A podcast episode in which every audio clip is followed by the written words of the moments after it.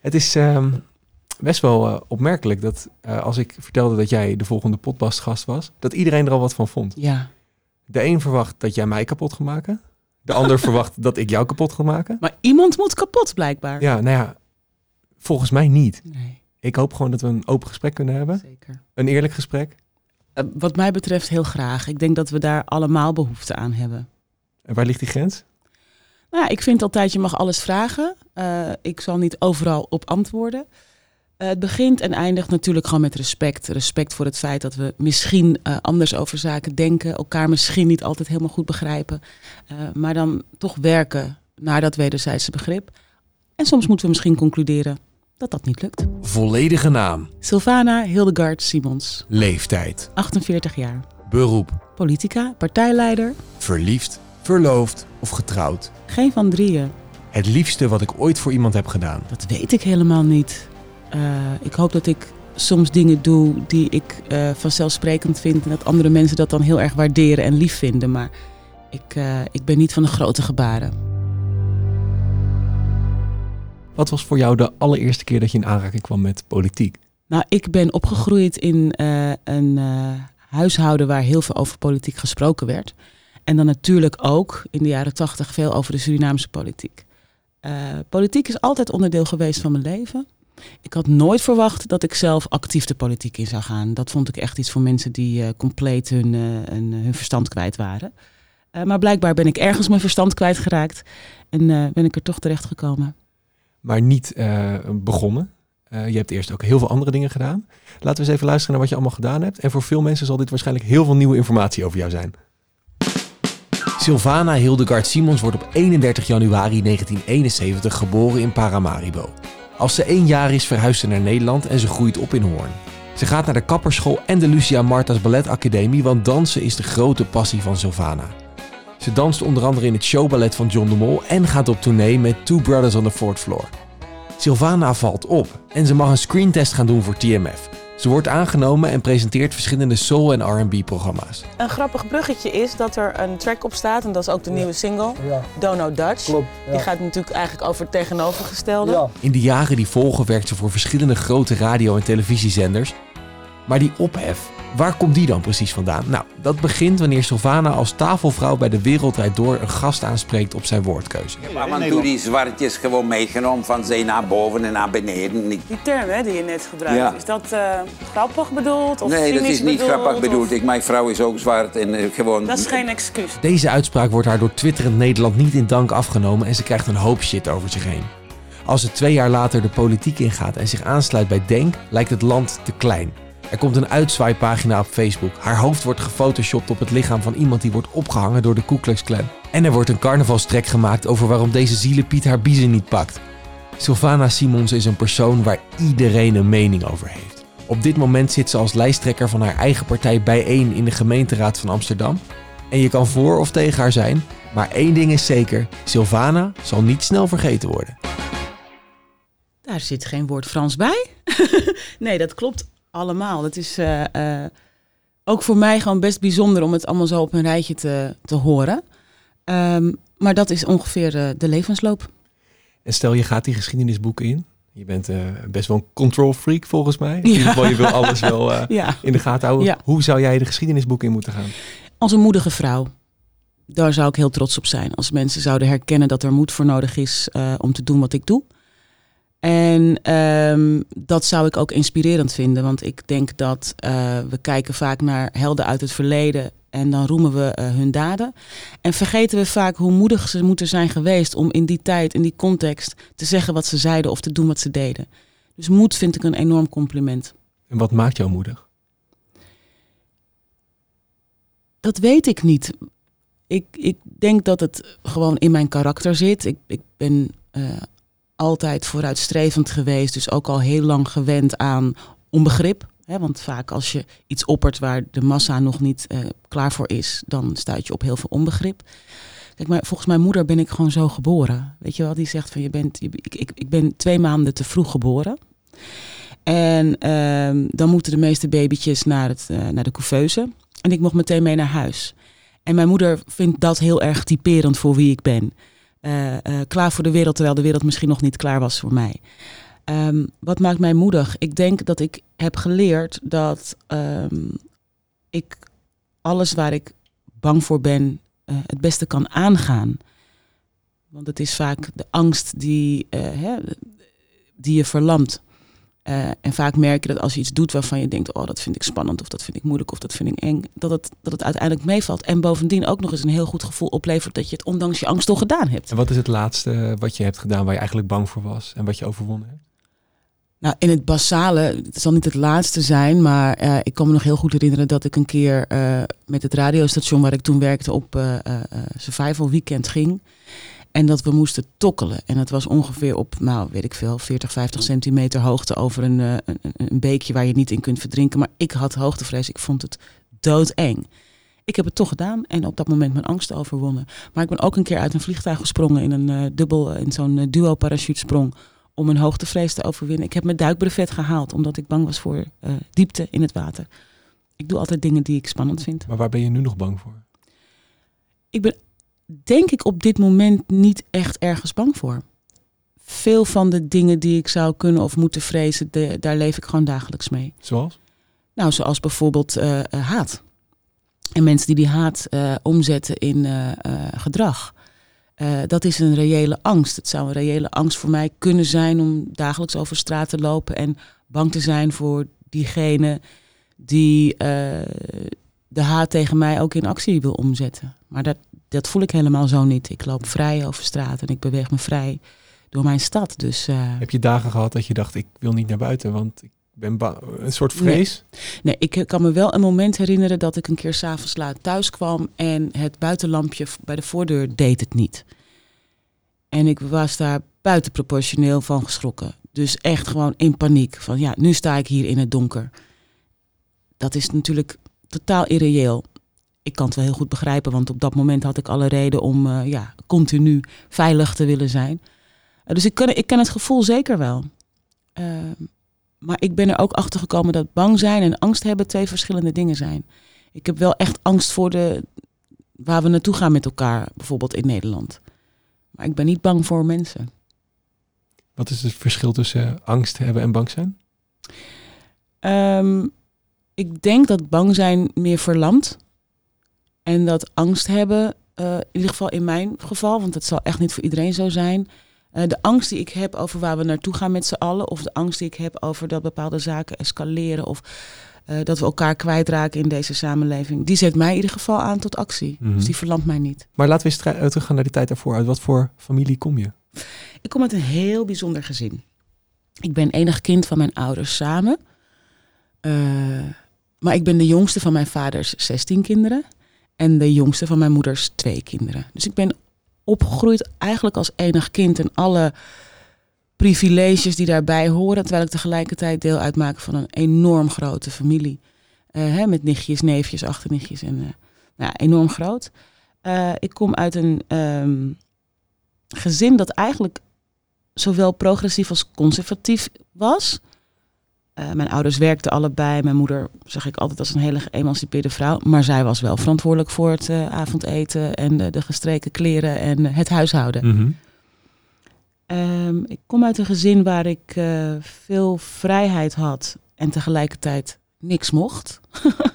dus ja, een gezin waar, waar religieuze vrijheid was, waar aan de ene kant veel ruimte was voor mij om te worden wie ik ben. En tegelijkertijd heb ik het zelf heel vaak als heel beklemmend en gewoon te streng ervaren. Je had vrijheid zolang het binnen de perken viel van je ouders. Ja, ja.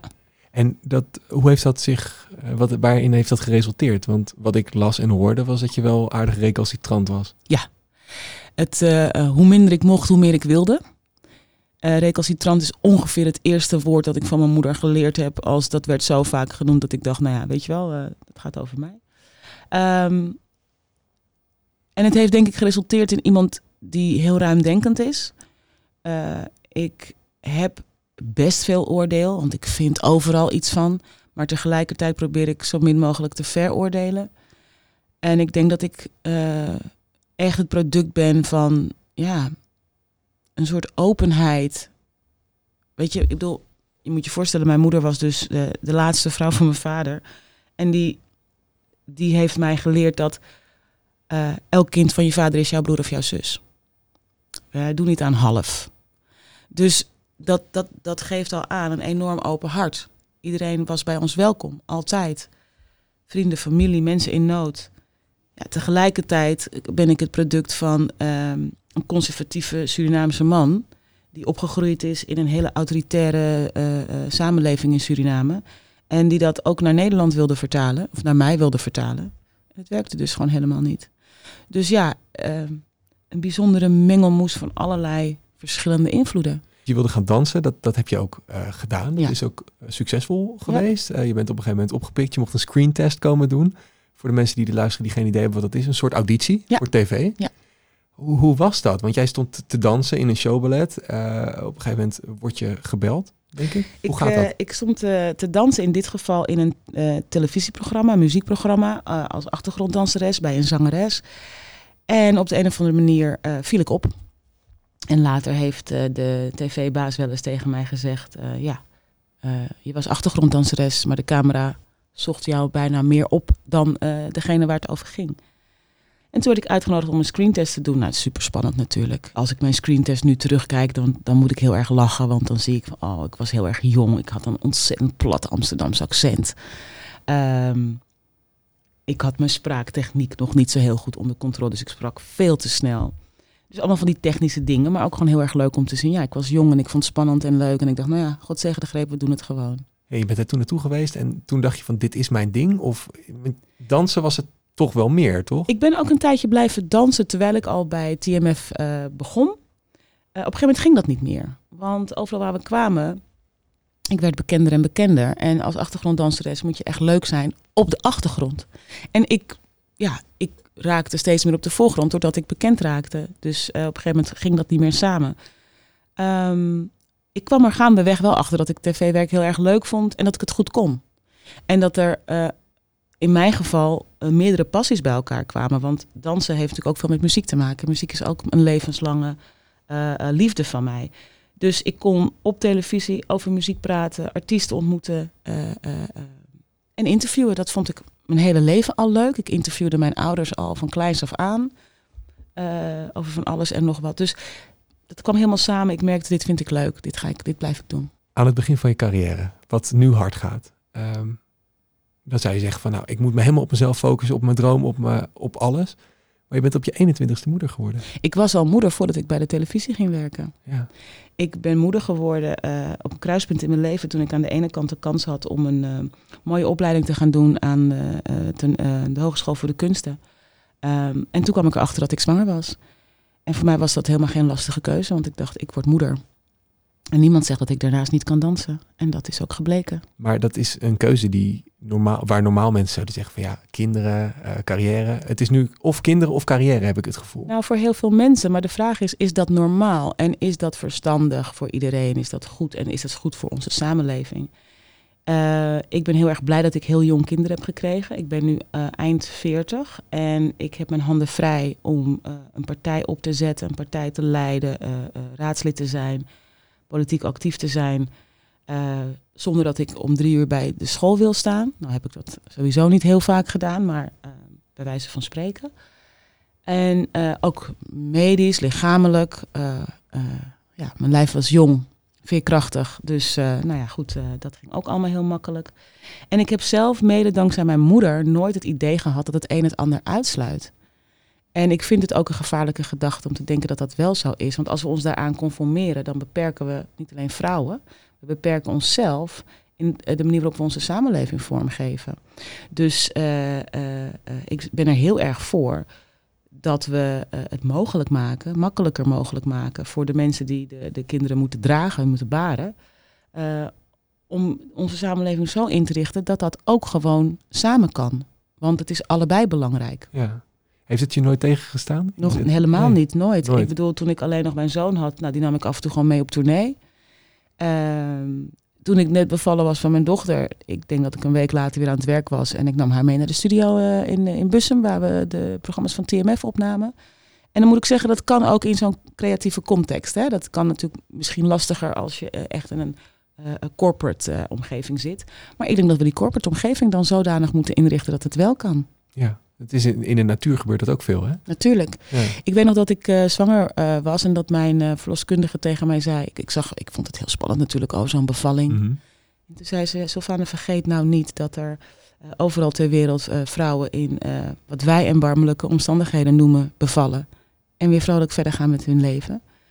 En toevallig moest ik gisteravond aan de tekst van Beyoncé denken. Die zei van, die, die zegt in Who Run the World, Girls. Eh, zo zijn wij vrouwen. We, we bear the children and get back to business.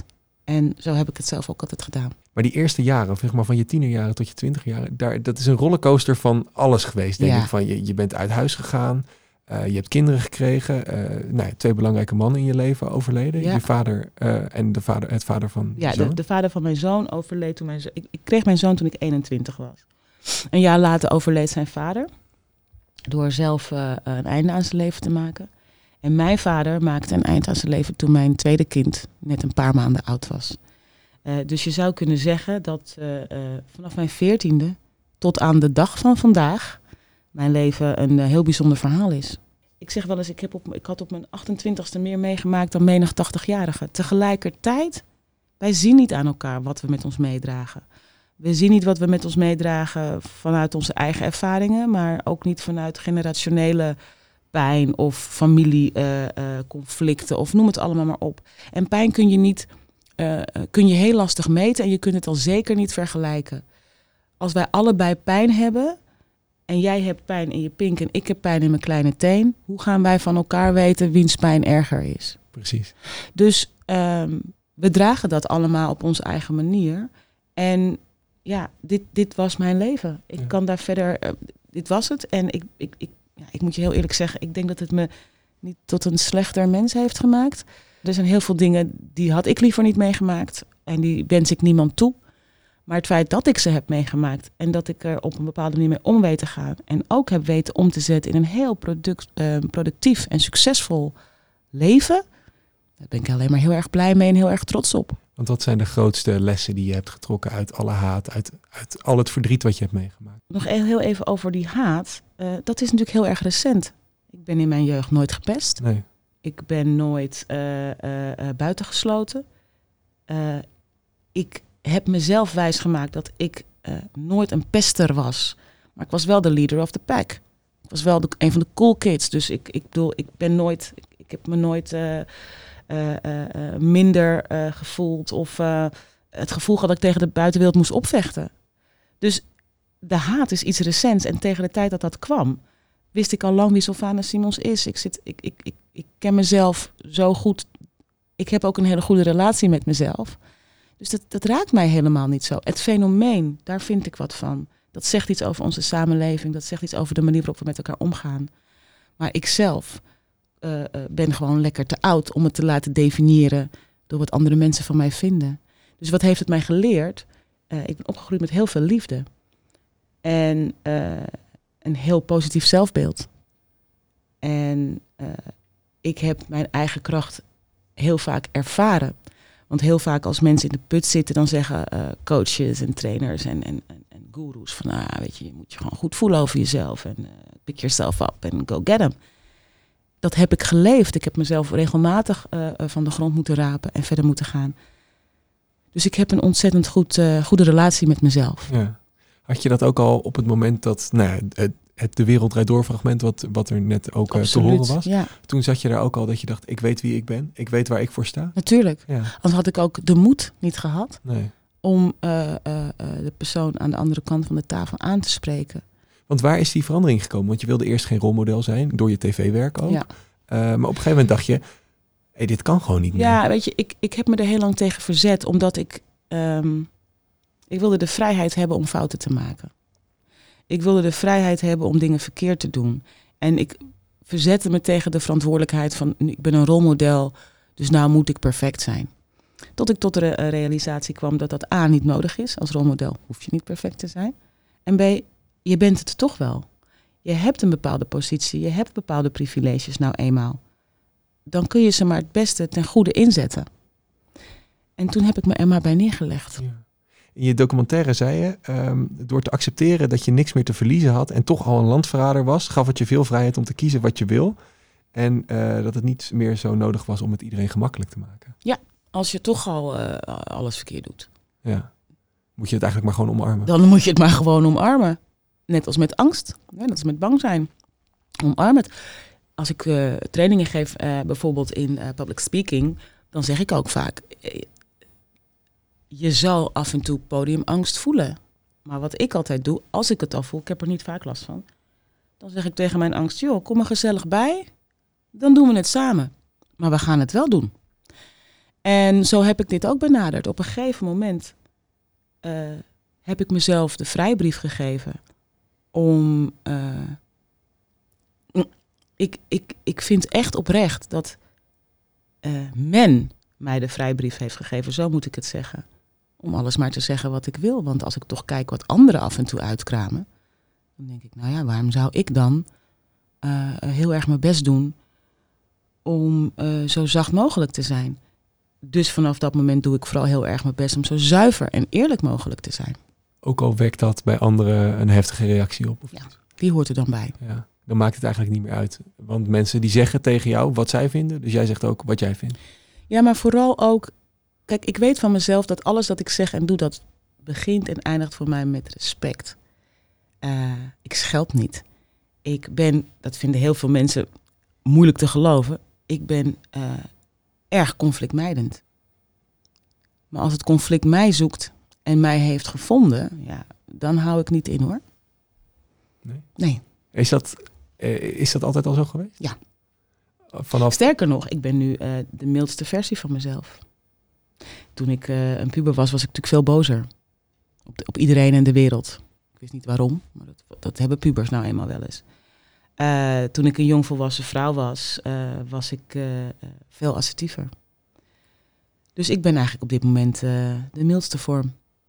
En toen was die, eh, die avond bij de Wereldrijd Door. Dat is eigenlijk wel een mijlpaal geweest. Ja, een mijlpaal, of een keerpunt. Ja, ja. Eh, een keerpunt geweest in je leven.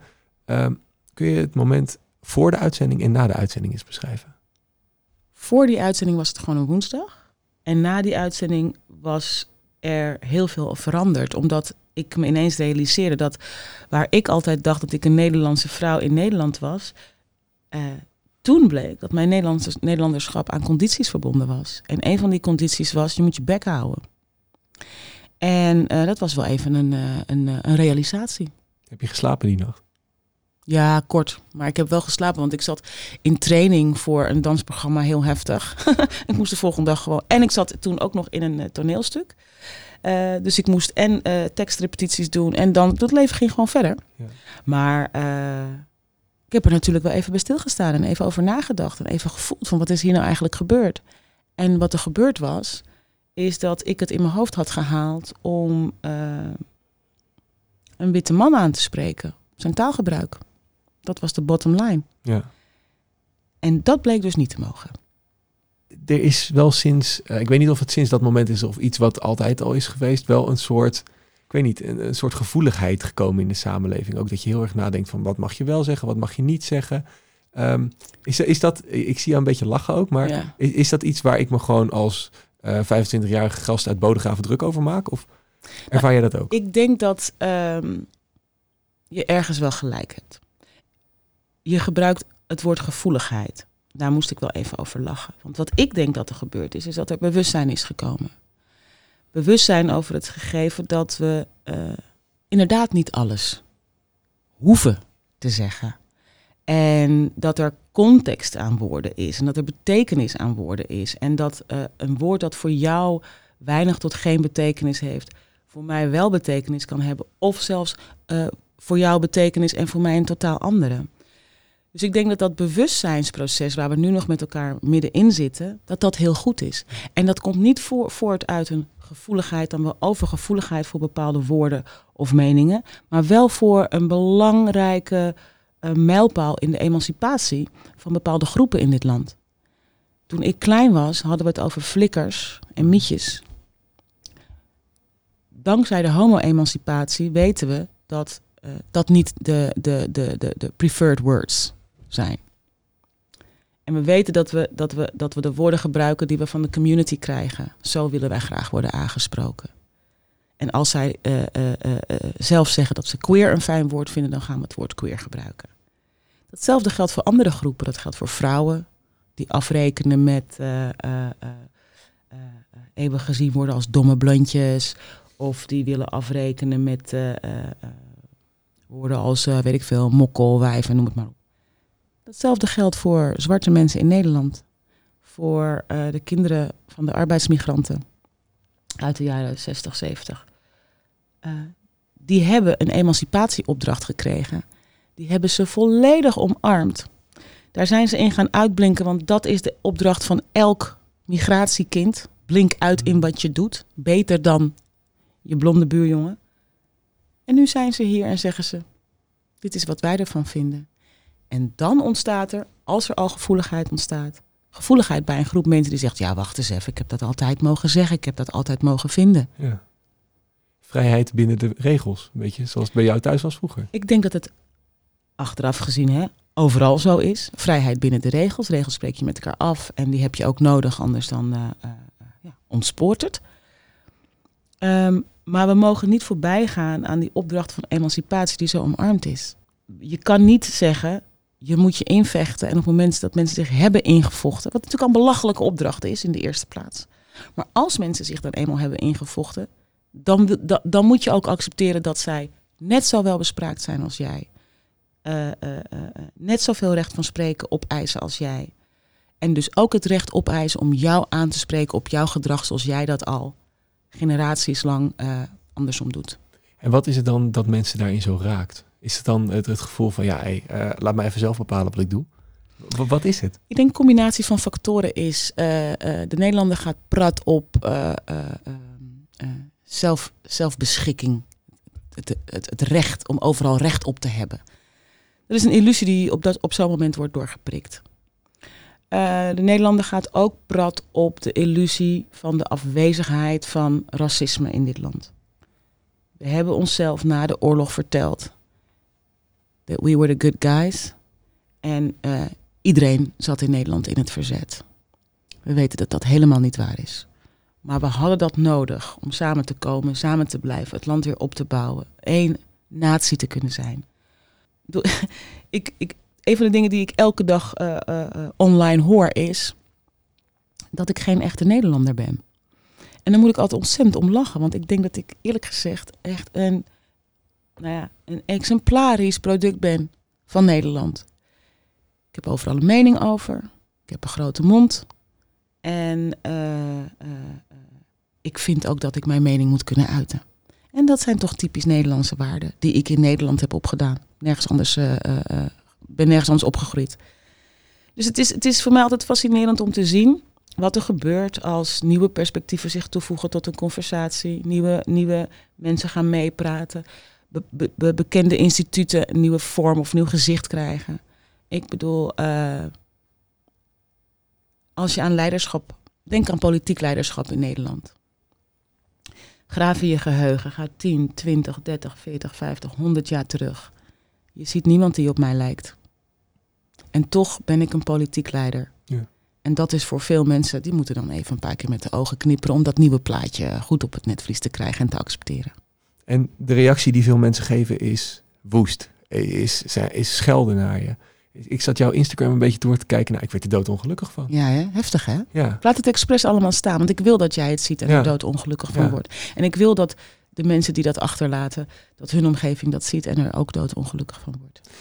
Zullen we je Insta eens openen? Doe je, ga je gang. Ja. Ja, ik heb toevallig eh, gisteren de app even van mijn telefoon gehaald, dus jij mag hem openen. Nou ja, misschien dat mijn verbazing groter is. Dat kan. Ja, dat denk ik wel. ik, ik pak een willekeurige foto van je. Ehm, deze. Ja, dat is een foto van mij samen met de speciaal, eh, special rapporteur van de Verenigde Naties. Ja. Even kijken, wat staat er allemaal onder? Er staat kankerzwarte. Oh mijn god, ik zou graag een keer tegenover je willen zitten. Ik ga hier geen discussie aan. Ik ben een blanke witte moeder met, mijn, met een prachtig bruin gekleurde huid. Mijn trots, mijn leven. Je zorgt voor discriminatie. Leven je ouders nog? Ik zou het hun kwalijk nemen dat ze jou naar dit land hebben gebracht. Het land van ooit. Volgens mij heb jij een goede opleiding hier genoten en je kinderen ook. En nu je niks bereikt hebt op de radio en tv, is eh, schreeuwen hoe slecht Nederland is. En je probeert, eh, zo, en je probeert slim te spelen. Slechte zinnen dit. Het zijn altijd slechte zinnen trouwens. We gaan naar de volgende. Ja. Kankerzwarte. eh Zwarte Piet moet blijven. Dikke kankerhoer. Zwarte Piet ging uit fietsen en stak Sylvana neer. Nou, dit is gewoon wat er onder één post staat. Ja, en in dit geval is het nog een foto waarvan je denkt: oké, je staat met de rapporteur van de Verenigde Naties, maar het kan ook een foto zijn van een bloem, of van herfstbladeren, of van mijn kinderen. Of het- ik bedoel, de, er is helemaal geen aanleiding nodig voor veel mensen. Deze tas bijvoorbeeld? Ja. De, ik, wat staat erop? De tas staat, de, tekst betekent. eh, dit is alleen maar een Arabische tekst om eh, mensen die eh, Arabisch eng vinden even de stuip op het lijf te jagen. Ja. Vrij vertaald. Staat onder. CKH-tekst. Kan niet anders bij Sylvana. Ik voel me gediscrimineerd omdat ik het niet kan lezen. Ga je weg uit Nederland? Nog net niet hoopvol. Dit is... Maar op Instagram reageer je niet, Nee. volgens mij. Maar Nee, op maar- Facebook wel. Ja, soms. Als ik, eh, eh, ja, soms als ik dat zo eventjes voel. Ik bedoel, niet de hele tijd, want dan Nee. kom ik echt niet meer aan werken toe. Het maakt helemaal niet meer uit wat ik zeg of doe. Dat is wat ik eerder, waar we het eerder al over hadden. Ik ben al een landverrader. Ik moet al dood. En dat, is allemaal, dat hangt allemaal al in de lucht. Dus het maakt helemaal niet meer uit wat ik zeg en doe. Dus doe en zeg ik precies eh, wat ik wil. Die reacties, die zeggen natuurlijk veel meer over de mensen die dat achterlaten. En ze zijn allemaal boos, woedend. Ik kan me niet voorstellen dat al die woede alleen maar door mijn aanwezigheid in dit land komt. Daar zit iets heel anders achter. Eh, het is niet aan mij om me daar per se in te verdiepen of per se heel empathisch te zijn.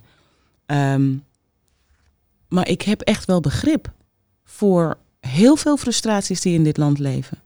Want wat we natuurlijk met elkaar gemeen hebben, wat mensen heel moeilijk vinden om te accepteren, dat we dat met elkaar gemeen hebben, is dat we leven in een samenleving die eh, oneerlijk verdeeld is.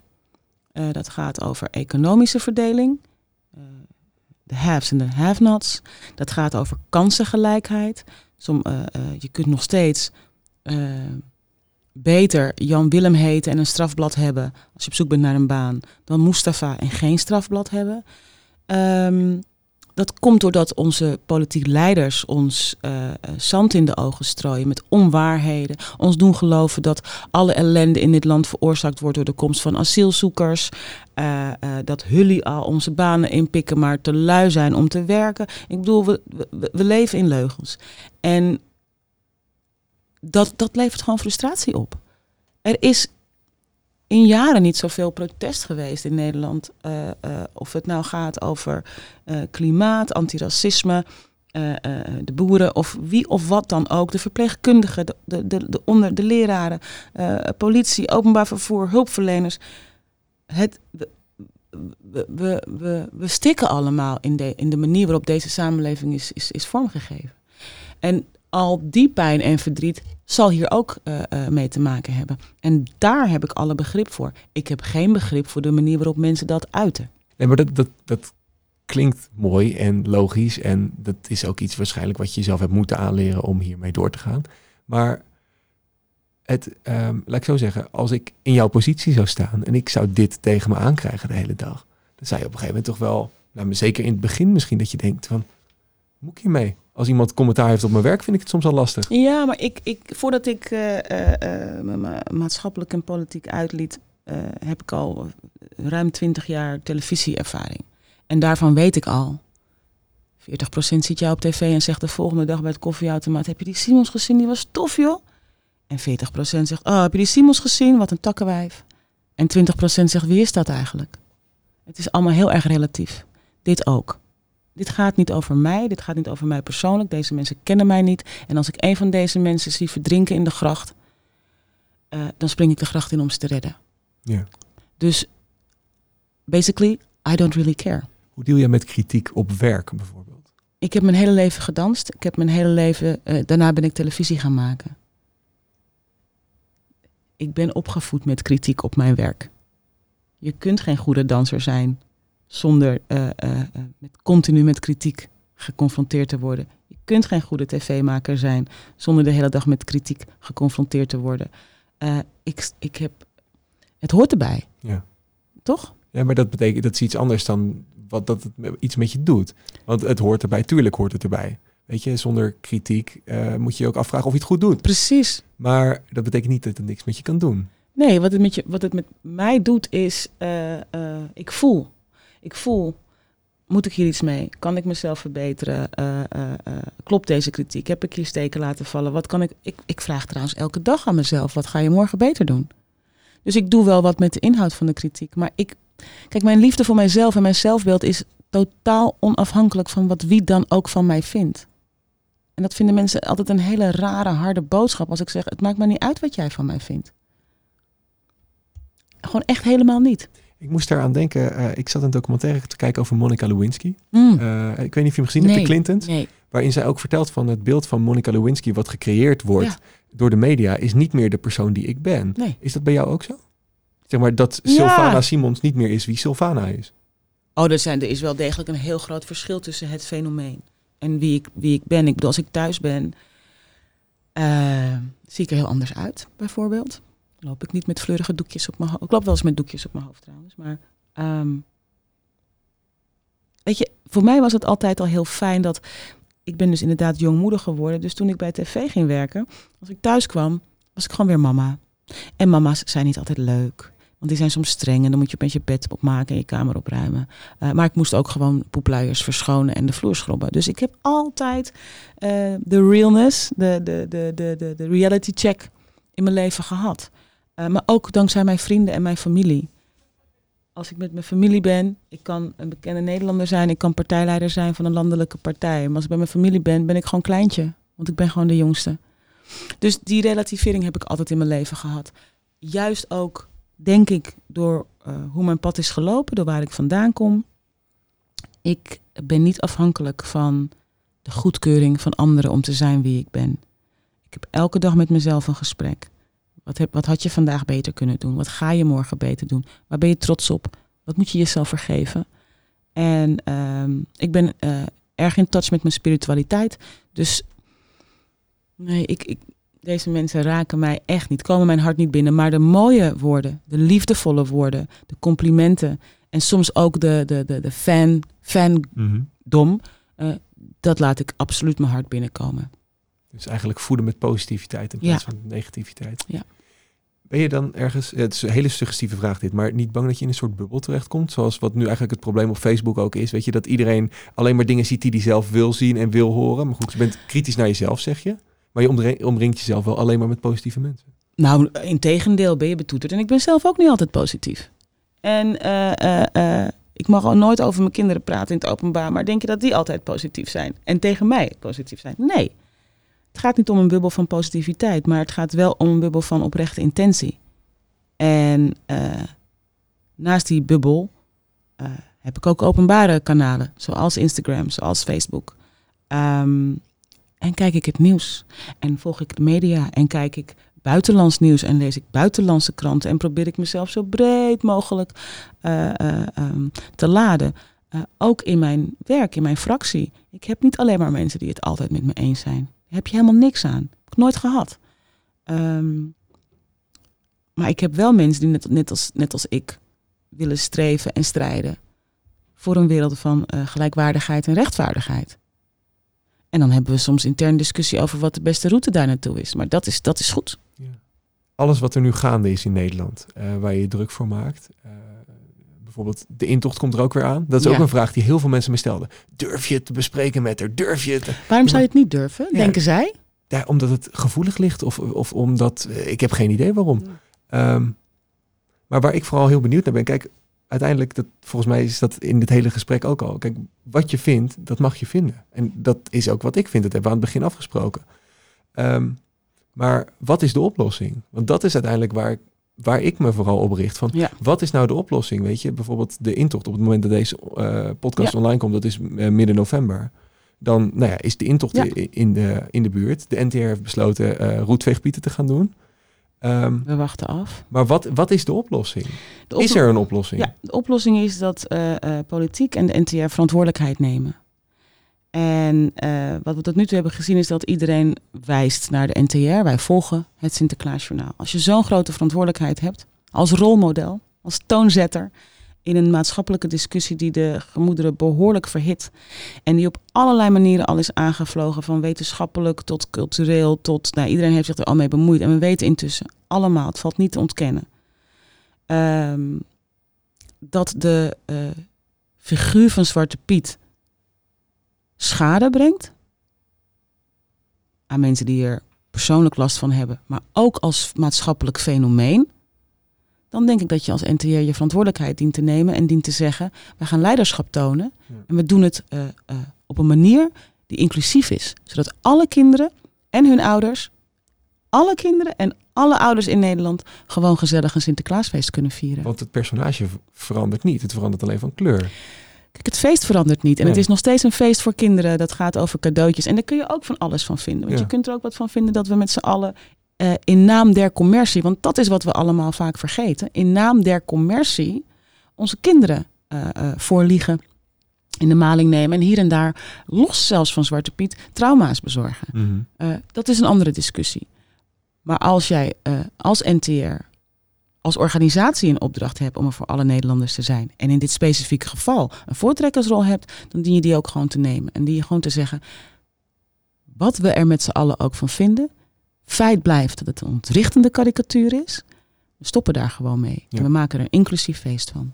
Maar is En- dit een discussie waar op een gegeven moment een, een, een antwoord over mogelijk is? Want op het moment dat er wordt gezegd, we kiezen roetveegpiet, zeggen mensen die pro-Zwarte Piet zeggen van ja, wat oplichters, ze gaan allemaal met, eh, met een minderheid, zoals dat dan genoemd wordt, mee. Ja. Eh, als Zwarte Piet blijft of het wordt roetveegpiet, dan kan daar worden gezegd van ja, eh, ja, het is nog niet ver genoeg. We moeten het hele figuur weghalen. Tuurlijk, je moet, als je een racistisch element in, je, in, je, in je culturele beleving hebt, dan dien je daar gewoon afscheid van te nemen. Er gaan twee dingen gebeuren. De generatie die het zo ongelooflijk moeilijk vindt om met vooruitgang geconfronteerd te worden, zal uitsterven. Ik wens niemand dood, hè? Het is een gegeven. Die gaat uitsterven. De jonge ouders van nu zijn al lang om. Die gaan hun kinderen heel anders opvoeden. Dus dat is een natuurlijk proces. Ehm, de instanties en organisaties zullen ook uiteindelijk eh, niet onder de, eh, eh, hoe moet ik het nou zeggen, niet onder het gegeven uit kunnen dat er wordt meegekeken. De dag dat Nederland Zwarte Pieten op Schiphol installeert, die dag, Mhm. denk je dat die ooit komt? Om, ze, om er afscheid van te nemen. bedoel Nee, de dag dat Nederland ooit gewoon zegt, het is eh, half november, wij vieren ons jaar, onze jaarlijkse traditie. Dat doet Schiphol met kerst, Ja. met eh, eh, oranje gebeurtenissen. Oh, je bedoelt dat het versierd, versierd wordt? Versierd wordt en Zwarte Pieten op Schiphol. Ja. Denk Nee, je dat die dag ooit komt? Nu niet meer. Nooit meer. En die is er Nee. nooit geweest. Nee, maar vroeger niet- bijvoorbeeld in de bijenkorf, als je daar was, Ja. dan hingen er allemaal zwarte pietjes. Klopt, En, klopt. In alle winkels. ja, Maar Schiphol is natuurlijk een bijzondere plek. ja, internationaal. Daarom. Ik vind het fascinerend. En het antwoord ligt daar ook in besloten. Niet op Schiphol, omdat wij allemaal weten dat het niet kan. Wij gaan geen mensen uit Amerika verwelkomen die uit een vliegtuig stappen met blackface. Wij gaan geen eh, eh, eh, ehm, mensen uit, weet ik veel, welk Afrikaans land verwelkomen met blackface op Schiphol. Dat gaan we niet doen. Maar we gaan wel onze eigen kinderen daar aan blootstellen en mee indoctrineren. We weten dat dat niet klopt. Maar een weten poldermodel dat is het dus is. eigenlijk niet mogelijk. Dus het is, er is geen middenweg mogelijk, toch? Het, het is eigenlijk of we schaffen hem af, want het is racistisch, of we houden het, want zo hebben we het altijd al gedaan. Want we willen graag racistisch blijven. Ja, nee. Ik, kijk, voor mij is het natuurlijk heel duidelijk. We schaffen hem af. En weet Ja. je wat zo mooi is? We zijn hem aan het afschaffen. Dus de oplossing zit eigenlijk in, laten we allemaal gewoon niet zo moeilijk doen. Laten we met z'n allen accepteren dat Zwarte Piet niet per se bij dat Sinterklaasfeest hoort. Integendeel, er helemaal niet in thuis hoort op basis van wat we weten. En laten we dan gewoon vrolijk verder gaan met het feestje. Maar zoiets als roetveegpiet, is dat iets waarvan je zegt, ja, nou, daar kan ik wel inkomen. Nou ja, het is een soort. Het hangt er vanaf hoe het eruit ziet. Als het Ja. blackface light is, dan, Ja. heeft, dan hebben we niks gewonnen. Maar eh, als jij en ik eh, vies worden van eh, stof, roet. en dat ziet er op een bepaalde manier uit, het zal wel. Ja. Weet je? Maar we moeten natuurlijk wel uitkijken dat we proberen te polderen naar een blackface light editie. Dat gaat ook niet werken. Er is niemand kapot gemaakt hè, in de podcast uiteindelijk. Nee, we zijn wel klaar. Nou Moet, ja. moet, moet het nog even snel, moeten we nog even iets vinden om elkaar. eh, ga je gang, Nee. nee, nee, nee, nee, nee. Nee, en ik, ik vind het inderdaad fascinerend dat mensen die verwachting hebben. Maar ik begrijp het ook heel goed, want dat is ook het beeld dat gecreëerd is. Nee, maar dat is vooral ook waar je, waar je mee zit. Weet je, ik eh, ook met het voorbereiden. Ik dacht van ja, oh, ik, ik had er een soort eh, spanning in gelegd Ja. ook. Weet je, gewoon een soort zwaarheid. Ja. Maar ik denk ik, dat ik uiteindelijk iedereen kan aanraden om gewoon een keer met jou te zitten. Gewoon, Weet je, dat is altijd zo geweest hoor. Want ja, nou ja, weet je, toen ik, toen ik eh, eh, net bij tv begon te werken, toen zei mijn manager ook een keer tegen mij van, mensen moeten jou echt ontmoeten voordat ze. Ik heb blijkbaar een uitstraling die iets heel anders overbrengt of die eh, mensen raar of anders vinden. Ehm, maar ik, ik blijf het zeggen, ik ben helemaal niet iemand van de confrontatie. Ik vind gewoon dat we overal over kunnen praten en. En dat je ook op momenten in het leven komt dat je van elkaar accepteert. Hier gaan wij samen niet uitkomen. en dat is ook goed. Dat kan ook goed zijn. Er zijn natuurlijk grenzen. Ja, weet nee, je wel? tuurlijk. Maar interpersoonlijk. Interpersoonlijk, ja, natuurlijk. Ja. Ja. zeker. Als ik jou vraag, hoe word je succesvol? Wat zou je zeggen? Nou, moed kom ik weer mee. Niet bang zijn om eh, je dromen na te jagen. Heb ik altijd gedaan. Eh, hoe word je succesvol? Ja, niet bang zijn om je dromen na te jagen. Bereid zijn om te incasseren. Bereid zijn om heel vaak te vallen. En dus ook weer op te staan. Ehm, je te omringen met mensen die eerlijk tegen je zijn.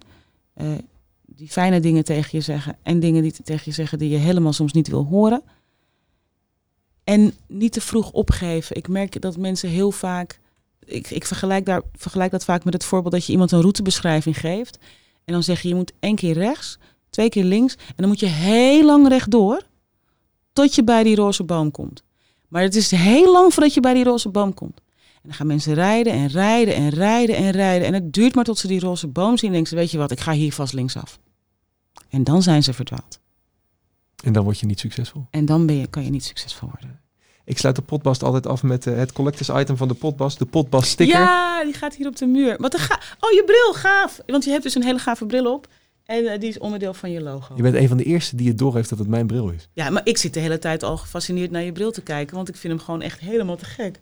Wat leuk. Eh, hij komt hier eh, ergens op de muur. Dat was de volgende vraag. Waar ga je hem ophangen? Nou, hier ergens. Als, als, als, als blijvende herinnering aan ons mooie gesprek wat mij betreft. Hey, ik ben Sylvana Simons en ik was de gast in de podcast. Vond jij het een interessant gesprek? Laat dan een leuke recensie op iTunes of YouTube achter. En daar kun je ook gelijk dit hele gesprek met beeld checken. Als je in je Instagram story zet dat je deze podcast luistert en je tagt de radiomeneer, maar dan maak je ook nog eens kans op een podcast sticker. Ik heb er ook één. Hij is leuk!